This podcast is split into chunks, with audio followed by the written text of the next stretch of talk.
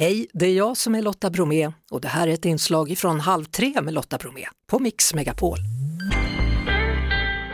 Dragspelaren Lars-Emil Öjeberget från Nyskoga i norra Värmland och den vevlirevevande stockholmaren Johannes Gevorkian Hellman har med sin duo Symbio turnerat i såväl Europa som Nordamerika och prisats av recensenterna. Och just nu så är Lars-Emil Öjeberget i Montreal. Hallå där! Hej Lotta! Hej du! Här kör ni omkring med ert band Symbio i världen. Hur är mottagandet? Ja, men det har ju varit fantastiskt. Eh, vi är i Montreal just nu och eh, är här i en vecka. Vi ska spela showcase på en stor eh, branschträff för folk och världsmusik. Så vi är en av 30 internationella artister som ska spela här under veckan, så det är fantastiskt. Ja, hur skulle du beskriva er musik?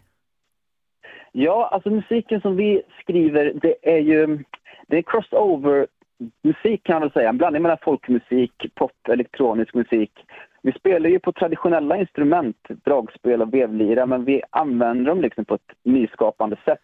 Det är akustiska instrument, men vi, vi förstärker dem elektroniskt då, med pedalbord och skapar liksom effekter och ljudlandskap. Och, eh, grundidén är liksom att vi spelar allt live eh, och sen så spelar vi alla beats på scen och på skiva. Så what you hear is what you get. Liksom. Ja, det låter ju nästan som man skulle kunna uppträda på, på någon stor festival med den där musiken. Man kan ju dansa till den faktiskt.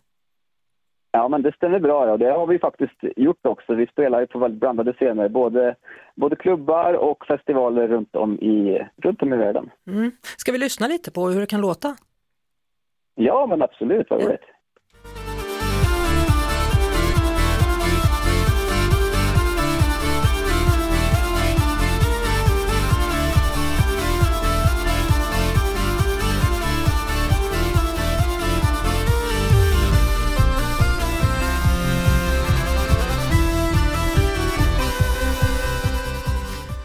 Du, jag har aldrig hört vare sig vevlira eller dragspel trakteras på det sättet.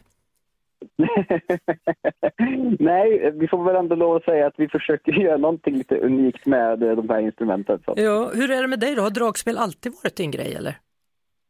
Jo, men det får jag väl ändå lov att säga. Jag startade med dragspel när jag var en liten pojk uppe i norra Värmland. Eh, och eh, jag var väl tio år tror jag när jag började spela dragspel. Så det har blivit några år nu. Och sen så träffade jag Johannes lite senare på vägen och sen så ja, sen har vi varit oskiljaktiga sedan tio år tillbaka. Mm. Men ni har ju fått fina priser också, Kungliga Musikaliska Akademins stipendium här.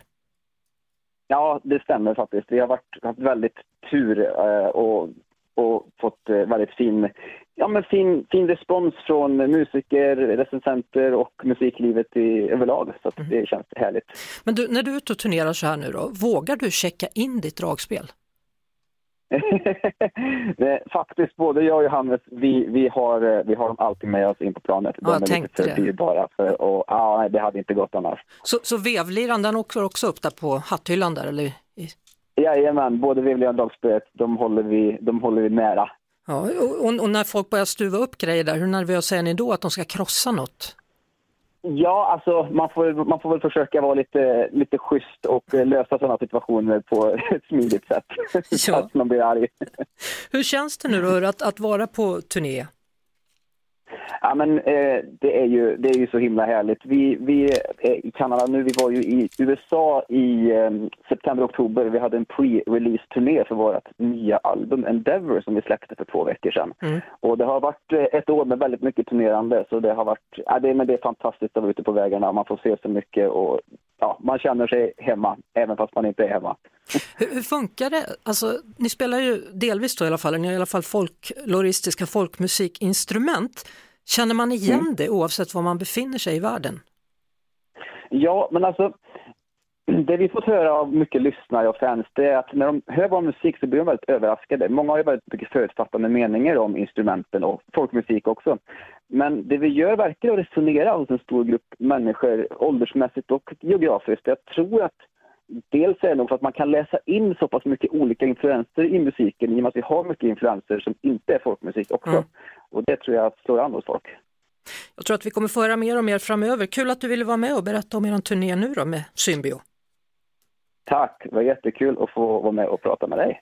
Tack själv Lars-Emil Öjeberget och hälsa till Johannes Gevorkian Hellman också då med vevliran. Det ska jag göra. Ha det gött. Samma. Det var det. Vi hörs såklart igen på Mix Megapol varje eftermiddag vid halv tre. Ett poddtips från Podplay.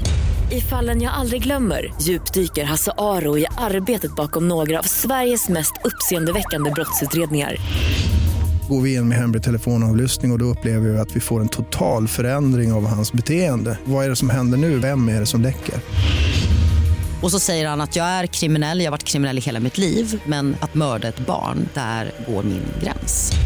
Nya säsongen av Fallen jag aldrig glömmer på Podplay.